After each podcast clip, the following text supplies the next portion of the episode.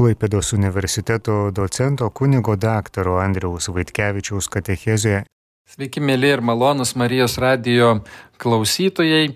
Šiandien noriu pasidalinti su jumis mintimis apie šventųjų mišių užprašymą už mirusiuosius katalikiškąją tradiciją ir taip pat apie devintinių ir trisdešimtinių maldos tradiciją po mirusiojo mirties, ką tai reiškia ir nusekliai panalizuoti, kodėl mes tikintis žmonės melžiamės tiek laidutuvėse, kokiu būdu tą darome ir kodėl mums svarbu yra susirinkti maldai ne tik tais laidotuvė mišiuose, bet devintinėse, trisdešimtinėse, taip pat metinėse, o kai kurie žmonės meldžiasi ir kas mėnesį mišiuose susiburdami už savo mirusieji.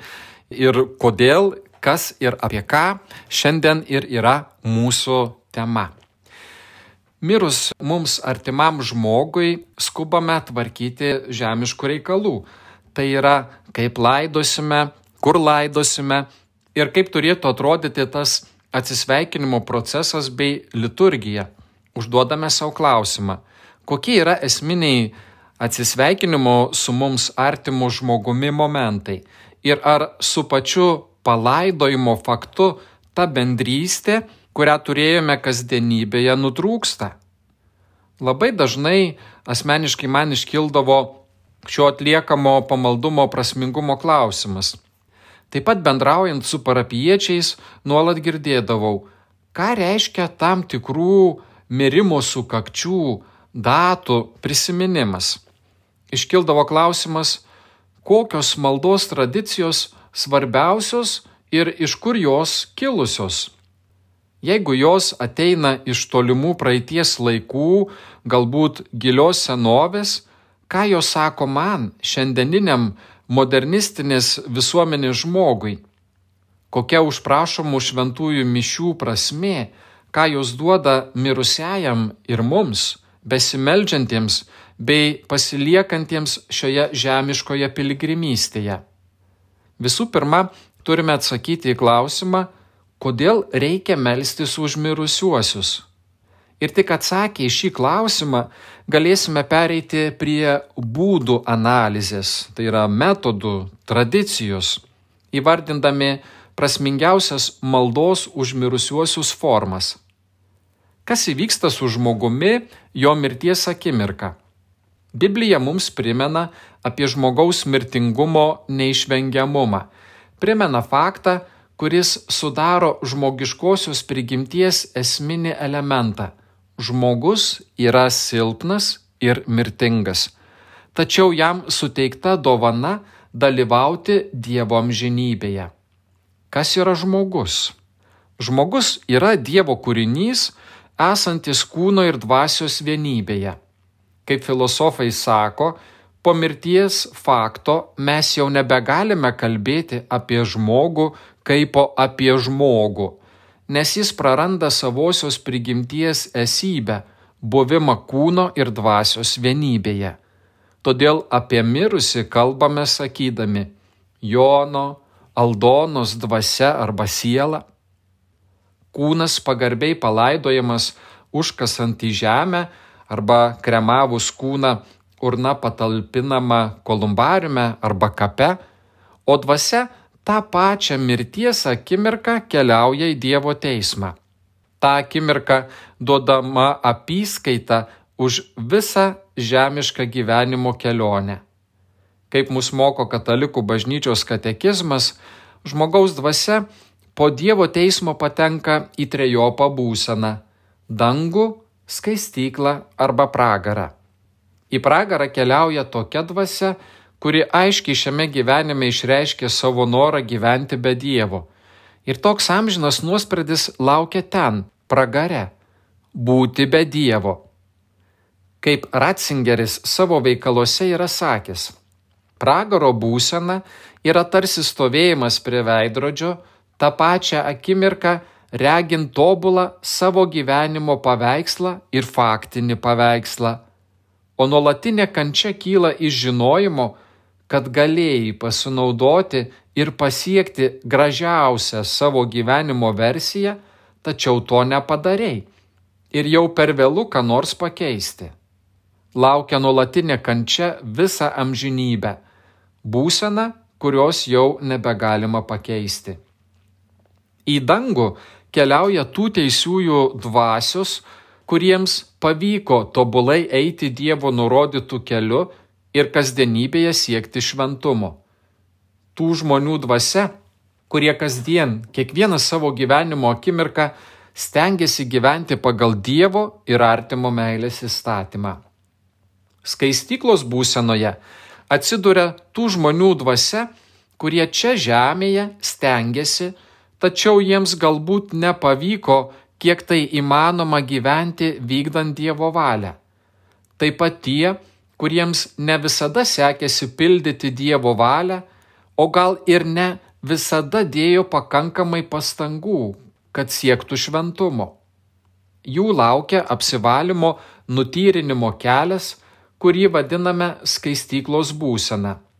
Šių žmonių dvasios gyvena viltimi, kad pasibaigus nutyrinimo laikui jos bus priimtos į dangaus malonės būseną. Tačiau Čia slepiasi niuansas. Tokių žmonių sielos nebegali įtakoti savo amžinojo likimo. Jie yra reikalingi mūsų, tai yra gyvųjų maldų, kuriomis mes galime padėti greičiau įveikti tą nutyrinimo ir apsivalymo laiką. Tam mes turime tris priemonės - atlaidų malonę, šventųjų mišių užmirusius aukojamą auką kasdienę maldą už mirusiuosius. Atlaidus pagal Romos katalikų bažnyčios nustatytą tvarką galima pelnyti tam nustatytomis dienomis, kada išpildome įprastinės sąlygas atlaidams gauti. Atlaidai tai atsiteisimo už nuodėmės sutrumpinimas arba galutinis nuteisinimas. Tai yra, kada būname atlikę išpažinti ir esame neprisirišę prie sunkių ir lengvų nuodėmių, dalyvaujame šventosiuose mišiuose, priimame šventąją komuniją ir sukalbame maldas, nustatytas tiems konkretiems atlaidams gauti. Jeigu tai pavyksta įvykdyti tobulai, galime pelnyti visuotinius atlaidus, jeigu netobulai, gauname dalinius atlaidus, kuriuos galime paskirti vienam kuriam nors savo mirusiajam. Šį procesą vadiname besimeldžiančiojo intencijos sužadinimu, tai yra aiškiu ir konkrečiu įvardinimu, kam skiriama ši malonės dovana. Šventųjų mišių užmirusius aukojamą auką dovanojame savo mirusiesiems kas kartą, kada užprašome šventasias mišes, kurių metu įvardinamas konkretus mirusysis arba konkretus mirusieji, už kuriuos aukojama ši šventųjų mišių auka. Prisimindami, kad šventosios mišios yra Kristaus atpirkimo aukos sudabartinimas nekruvinuoju būdu, tai yra, jog ta auka dar kartą atnašaujama kiekvienose šventosiuose mišiose, suvokiame, jog konkrečiose šventosiuose mišiuose prašoma, kad mūsų mirusiųjų sielos būtų atperkamos Jėzaus Kristaus atperkamuoju veiksmu, kurį jo paliepimu kartojame kiekvieną kartą švesdami Eucharistinį susitikimą su Dievu, kuriančiu, atperkančiu, pašventinančiu. Dvasiškai labiausiai nuopelningos yra šios maldos formos atlaidai ir šventosios mišios. Tačiau neturėtume sumenkinti mūsų asmeninės kasdienės maldos už mirusiuosius, kuri skirta ne tik prašyti išlaisvinimą iš skaistyklos būsenos, tačiau kuri taip pat padeda mums neprarasti bendrystės ir artumo su mūsų mirusiaisiais. Įvairiausių maldų galime rasti liturginėme maldyne, kurios mums padeda melstis. Juk tikėjimo išpažinime kas kartą kartojame tikiu gyvųjų ir mirusiųjų bendravimą. Kaip jis vyksta? Ogi būtent tą akimirką, kada melžiamės. Jie iš amžinybės, o mes čia. Susilieja mūsų širdys. Prašom to paties. Dievo artumo amžinybėje ir kasdieninėme gyvenime. Tas pats širdžių plakimas, tas pats troškimas. Kada mes savo artimiesiems išprašysime dangaus malonės, jie jau galės melstį už mus, prašydami mums gyviesiems reikalingų Dievo malonių. Tikriausiai, jeigu užmirusius nesimeldžiame, jie tai suvokia kaip meilės stoką. Užmiršome. Jie mums nebesvarbus. Kaip liaudyje sakoma, kada dingo iš akių, dingo ir iš širdies. Reikia manyti, jog tokia būsena žaidžia mūsų santykių su mirusiaisiais ir žinoma, nepadedame sumažinti jų atsiteisimo skaistykloje laiko. Trokšdami gėrio savo mirusiems artimiesiems, nuo pat pirmųjų amžių krikščionys melsdavosi šventosiuose mišiuose ir šią eucharistinę maldą už mirusiuosius mes suvokiame kaip bažnyčios tradicijos lobyną, kuris per amžius lydi katalikus ir padeda artintis prie Dievo bei gyventi jo malonyje. Kągi šiuo klausimu sako bažnyčios tradicija? Ta akimirka, kada krikščionių bendruomenė susirenka artimesniai bendrystėj su viešpačiu, ji maldos metu prašo, kad galėtų turėti galimybę gyventi bendrystėje taip pat su savo mirusiais artimaisiais. Iš tiesų, liturgijoje patiriamas būsimas ir laukiamas amžinasis gyvenimas, tarsi būtume dangiškojoje Jeruzalėje, viešpaties, šventųjų ir visų Dievo per krikštą ar troškimo krikštą suvienytų žmonių akivaizdoje. Liturgijoje laukiame bendrystės, kuri bus pilna, kai Dievas bus viskas visame kame. Būtent todėl labai gražu ir tikslinga prisiminti vėlionį šventosiuose mišiuose. Liaudiškasis pamaldumas vystėsi užfiksuodamas momentus, kuriuos laikė reikšmingais melžiantis užmirusiuosius šventųjų mišių metu. Paprastai mirusieji prisimenami praėjus devynioms dienoms ir trisdešimčiai dienų po mirties ar laidotuvių šventųjų mišių. Šie laikotarpiai taip pat e, labai svarbus gedint savo mirusiųjų artimųjų, norint išgėdėti. Laidotuvių metu paprastai mūsų supa daug žmonių, kurie gedi mirusiojo ir padeda mums organizuoti laidotuves. Tačiau po laidotuvių visi grįžta į savo darbus ir šeima dažnai jaučiasi vieniša, pasimetusi ir tuščia. Susirinkti bendrai maldai po devinių dienų tarsi pasakymas, kad mes niekur nedingome, kad vėlionis nėra užmirštas. Susitikimas po 30 dienų šventosiuose mišiuose suteikia galimybę įsitikinti, kaip sekasi labiausiai su gedėjimu susijusiems žmonėms. Tai laikas pasiteirauti, ar ko nors reikia ir ar žmogus, ar žmonės randa naują pusiausvyrą. Yra šeimų, kurios iki pirmųjų mirties metinių susirenka mirusiojo prisiminti šventosiuose mišiuose kas mėnesį. Žinoma, po mirties metinių teisinga prisiminti mirusį kartą per metus mirties metinių dieną, gimimo dangui dieną. Toks maldingumas padeda išlaikyti dėkingumą jausmą tiems, kurie buvo anksčiau už mus. Kągi galime pasakyti apie šventasias mišes 9 dieną, liaudiškai dar vadinamas devintinėmis, ir mišes 30 dieną po mirties, vadinama liaudiškai trisdešimtinėmis. Kaip jau minėjome, ne visos žmonių sielos iš karto po mirties keliauja į dangų. Be galo svarbu melstį, kad amžinybėje mano mirusysis galėtų regėti Dievo veidą ir būti laimingas. Kviečiu šioje vietoje palyginti laiško žydams 12 skyrius 14 eilutė. Iš kur pas mus atsirado tradicija susirinkti šventosioms mišioms 9 dieną po mirties? Pirmykštėje krikščionių bendruomenėje žmogus dažniausiai buvo laidojamas savo mirties dieną Buvo tradicija melstis už mirusį trečiąją dieną po mirties, taip išreiškiant viltį, kad ir mirusiojo kūnas bus prikeltas amžinajam gyvenimui laikų pabaigoje ir septintąją dieną po mirties, prisimenant, kad Dievas septintąją dieną po pasaulio sukūrimo ilsėjusi, o čia dabar ilsėsis mūsų brolio ar sesers kūnas.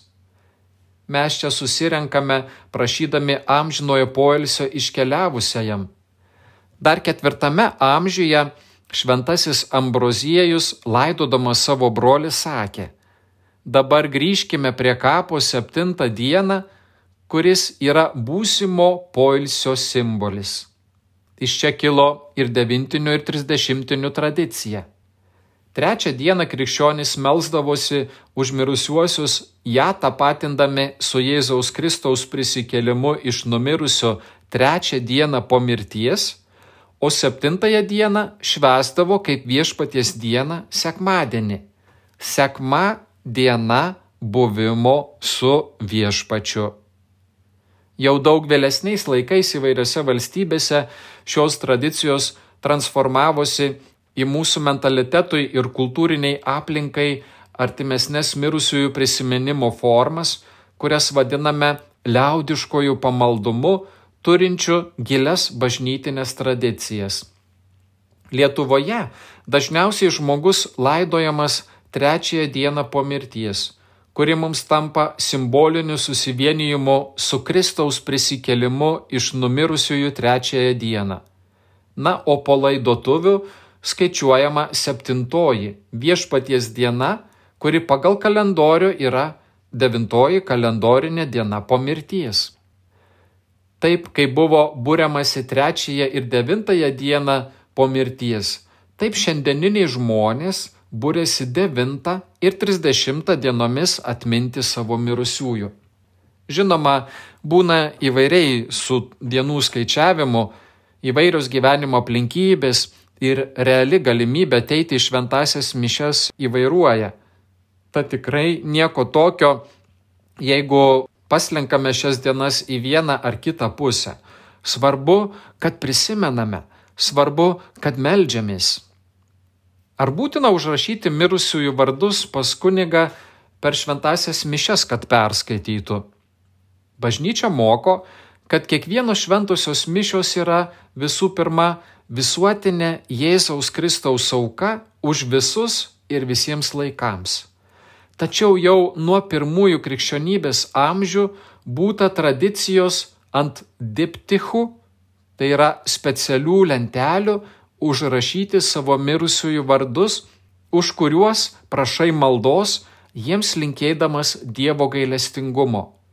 Visa bendruomenė noriai, o kartu ir su įpareigojimu ir įsipareigojimu už tuos asmenis meldžiasi. Kunigas perskaito užrašytus artimųjų vardus ir paragina visą bendruomenę melstis už juos. Iš to matyti, kad nuo seno Euharistijos šventimas buvo tas įvykis, kurio dėka buvo prisimenami broliai ir seserys kaip tikrai esantis, kurie nebejotinai buvo suvienyti į bendruomenę šventųjų bendrystės gale. Garsiai juos įvardyjus, jie tampa esantis čia ir gyvais bendruomenės veikime. Už kokį asmenį galima užprašyti laidotuvių ir kitų minėjimų šventasias mišes. Dėl šventųjų mišių laidotuvių proga visada rekomenduotina pasitarti su savo parapijos klebonu ar kunigu. Paprastai Šios šventosios mišios aukojamos už pakrikštytąjį asmenį. Kaip elgtis, jeigu žmogus buvo krikštytas, o jo vaikai netiki Dievu? Tokiu atveju reikėtų išlaikyti pagarbą pakrikštytajam ir išpildyti visą, kas yra būdinga jo priklausimo bendruomenės atsisveikinimo liturgijai. Taigi, jeigu nesu tikintis, reiktų palaidoti žmogų pagal jo religinius įsitikinimus, pilnai paminint ir pakviečiant jį pažinojusius maldai. Tokiu būdu bus išlaikoma derama pagarba mirusiesiems ir jų įsitikinimams. Nes kiekvienas, kuris per krikštą tapo bendruomenės nariu, turi teisę ir po mirties būti palidėtas į amžinybę taip, kaip jo bendruomeniai tai yra būdinga. Garbė Jėzui Kristui.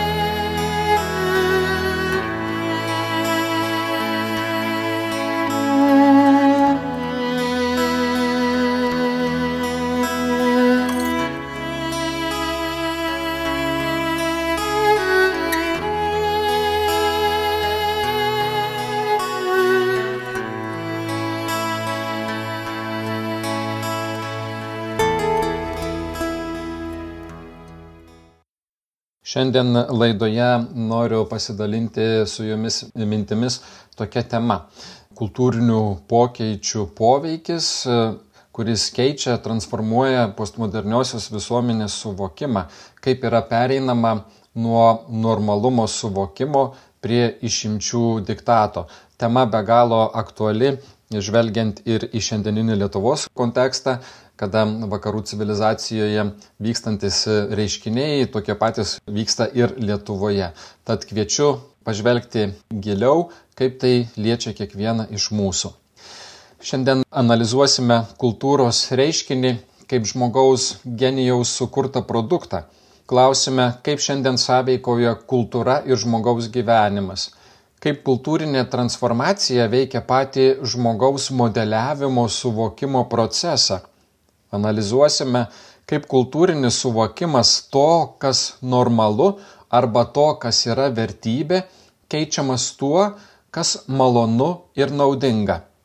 Kaip sukūriamas naujas normalumo ir vertingumo konceptas, kuriame visuomenė be ribų, o gal pagrįsta išimtimis ar pagarbė ir tolerantiška visuomenė normalumą ir išimties konceptų sąveika, apie kurią dabar kalbėsiu, paimta iš Sergejaus Belardinelio mokslinės analizės. Šis sociologas analizuoja visuomenės pokyčius, nagrinėdamas prigimtinius klausimus šiandieninėje kultūroje ir tyrinėdamas normalumo bei išimties sąveiką.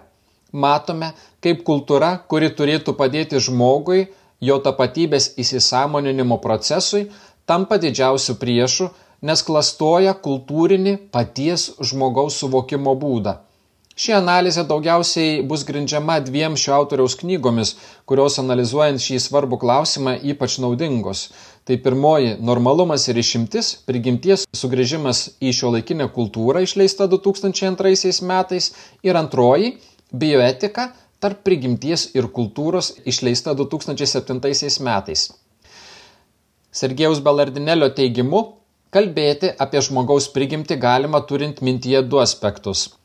Pirmasis, kai žmogaus prigimtis traktuojama kaip natūra animalis, iš lotynų kalbos išvertus reiškia gyvūninė prigimtimi.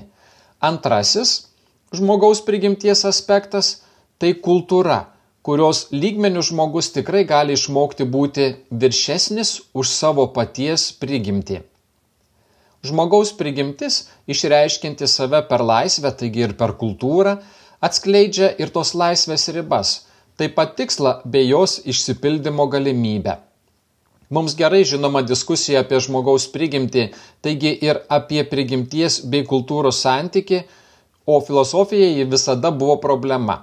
Žmogaus prigimtis galiausiai yra neatlygintina laisvė, kuriai tikrai gali būti nustatytos ribos, bet tikrai ne todėl, kad jos turi būti laikomos žmogaus prigimtimi, bet tiesiog todėl, kad mums tai patinka, yra naudinga, mes sutinkame tai padaryti.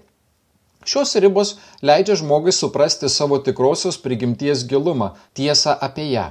Žmogus, gimdamas kaip žmogus, atsineša ir tam tikrą ribotumą bei veikimo būdus.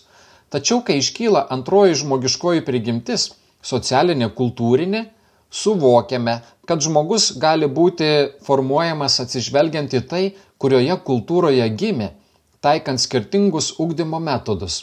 Čia ir glūdi didžiausias pavojus, nes šiandieninėje visuomenėje būdas ir siekis suvokti žmogaus prigimties tikrovę dažnai keičiasi atsiradus įvairių naujų kultūrinių paaiškinimų ir suvokimų, kai žmogus tapo priemonę, o ne vertybę, kylančią iš pačios autentiškosios žmogiškosios prigimties.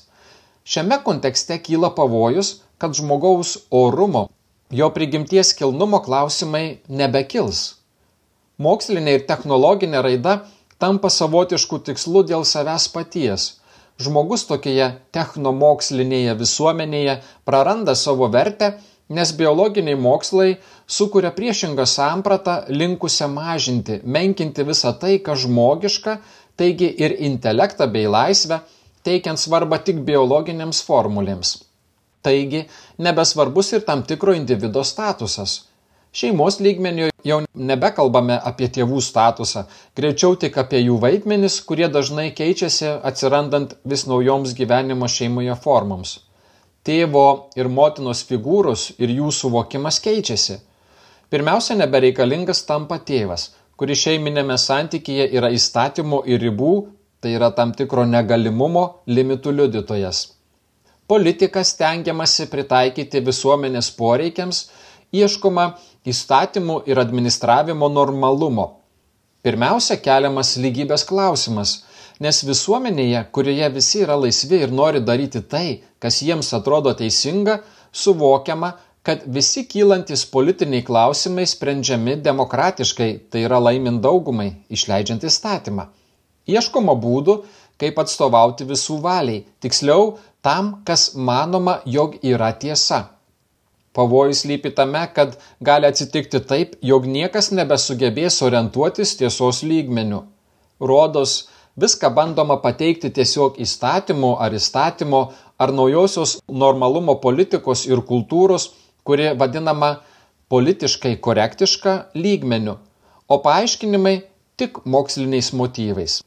Mokslas tampa politikos dalimi, kuri siekia pertvarkyti visuomenę vadovaudamasi universaliais moksliniais techniniais kriterijais, kurie iki tol egzistavo kaip paskiros nuo politikos nepriklausomos mokslo šakos. Bandoma pakeisti visuomenę, kur administruojant pasitelkiama politika ir siekiama valdyti visus santykius, net santyki su savimi pačiu. Štai kodėl kilo normalumo klausimas, kuris yra šių laikų beprotybė.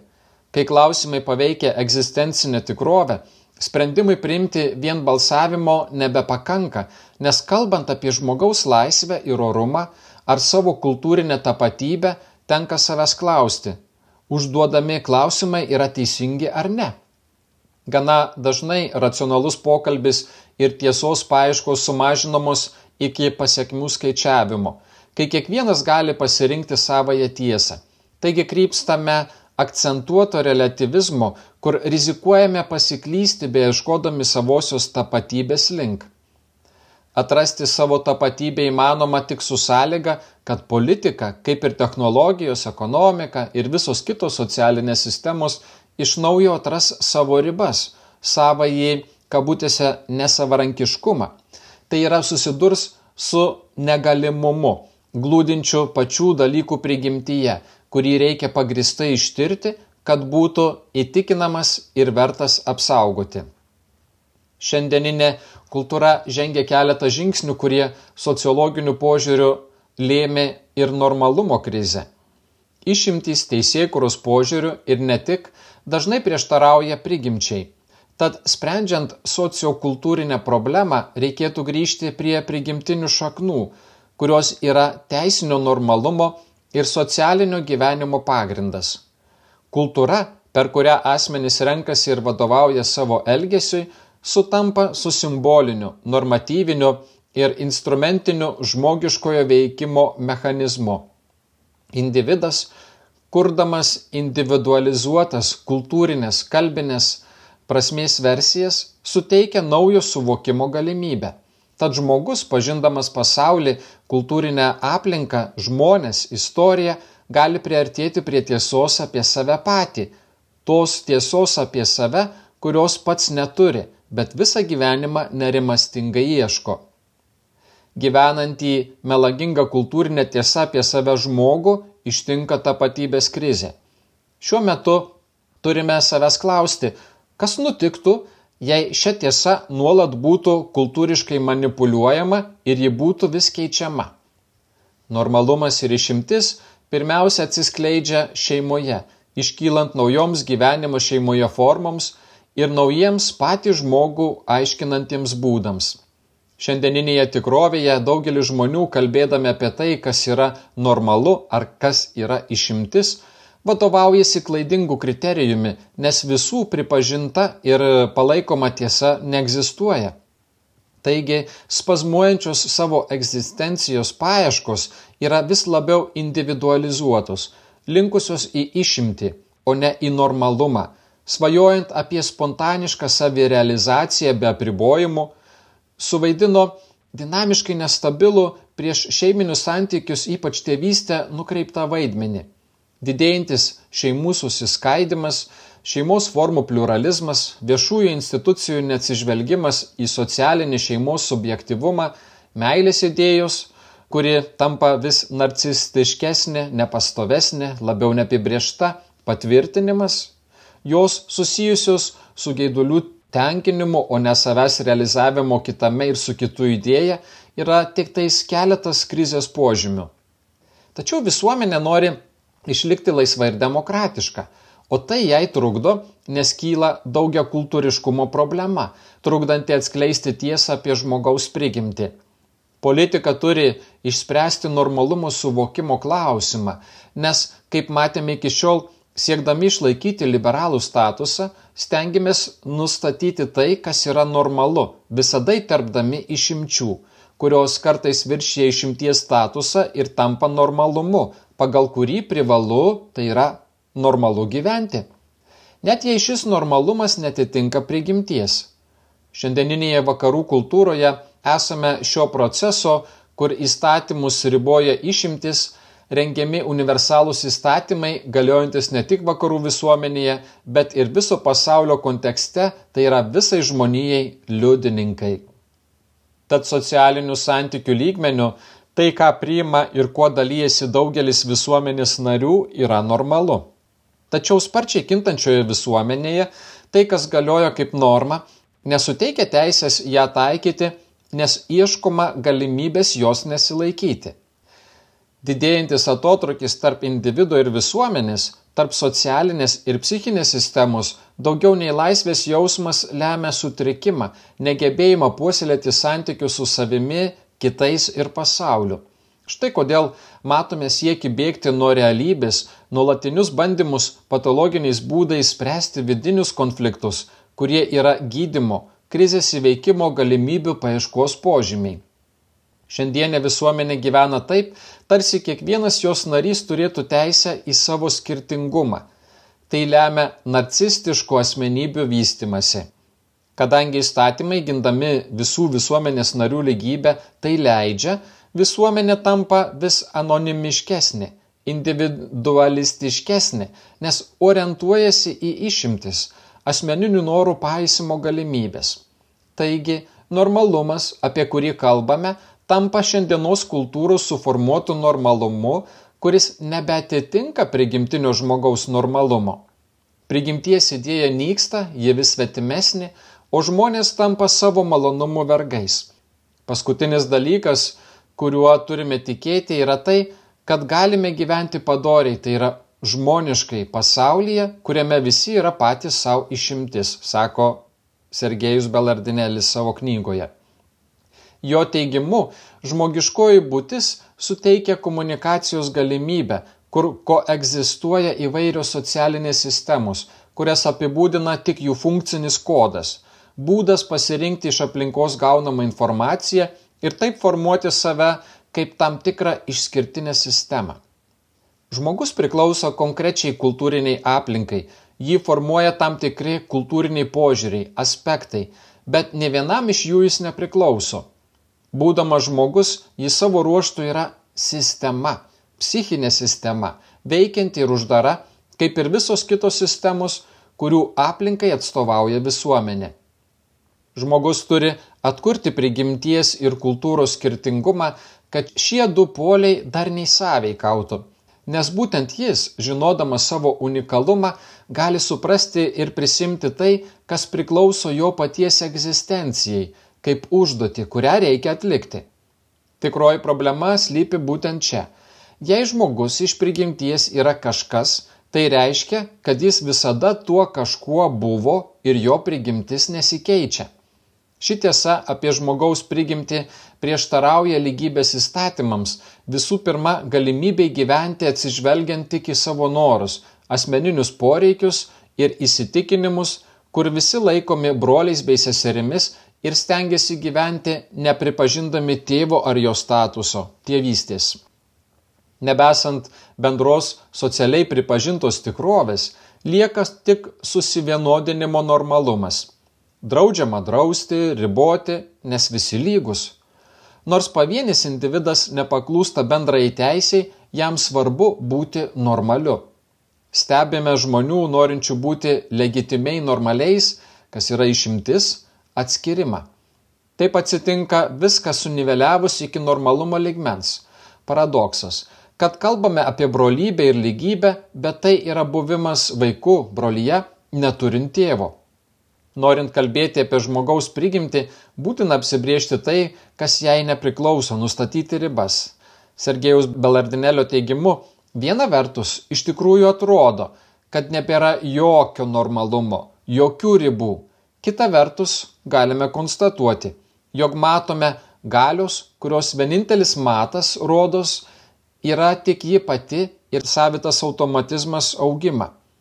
Abstrakčiai vienas nuo kito atskirti prigimtis ir protas praranda savo normatyvinį pobūdį, tampa bejėgiai bei abejingi bet kokios išimties akivaizdoje ir rizikuoja tapti tiesiog socialinių sistemų aplinką, veikiančią nediskriminuojant, tai yra be ribų, už pačių žmonių nugaros ir ant jų galvų.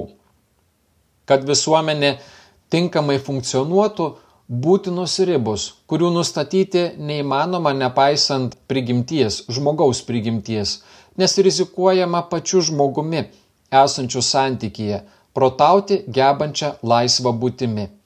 Moralinės, dorovinės ribos, nustatytos žmogaus, jo prigimties, dėja dažnai sumenkinamos iki kultūros dalykų ar pavienio individo asmeninių pasirinkimų.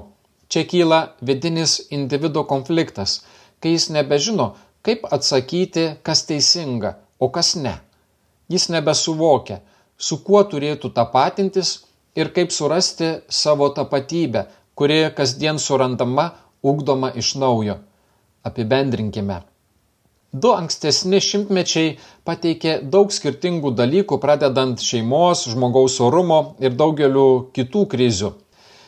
Šeimos ir žmogaus gyvenimo tikrovė šiandien ypač puolama, nestabilioje visuomenėje gyvenantis žmogus jaučiasi klaidinamas, nesaugus, nebegalintis identifikuoti pats savęs.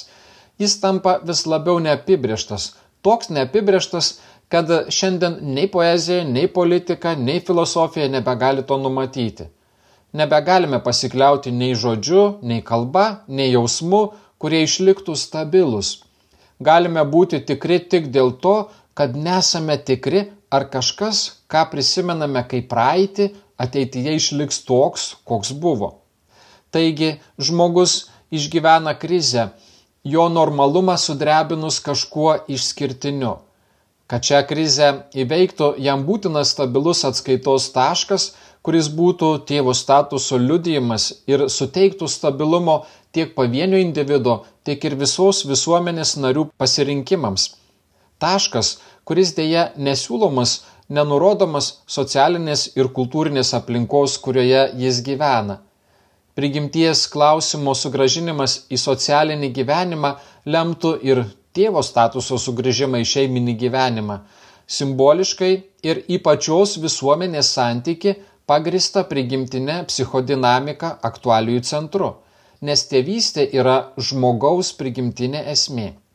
Sergejaus Belardinelio teigimu, būtina sistema galinti ginti žmogaus orumą sudėtingoje realybėje, kur apstu įvairialypių santykių, kuriuos puoselėjant šis orumas realizuojamas - šeimoje, visuomenėje, su savimi pačiu ir panašiai. Tinkamas žmogaus vystimasis ateityje priklausys nuo to, ar neužmiršime, kad nepažeidžiant teisėto pluralizmo, kuriuo galima išreikšti visų žmonių santykius, iš tikrųjų egzistuoja ribos, vėlgi normalumas, be kurių puikiai tai žinome ir tai veikia kasdienybėje, kartais labiau nei norime to tikėti, santykis prarastų savo žmogiškumo pobūdį. Šiandienės visuomenės sudėtingumas ir rizikos - politinės, ekonominės, ekologinės ir taip toliau - turi būti pasitinkamos naudojantis šiuo kompasu kuris vienintelis gali realiai tapti sisteminių institucijų ir žmogaus poreikių, nekokybiško ir žmogiško vystimosi tarpininku. Ačiū uždėmesi. Garbė Jėzui Kristui. Katechizijos laidoje kalbėjo Klaipėdos universiteto docentas kunigas daktaras Andrius Vaitkevičius.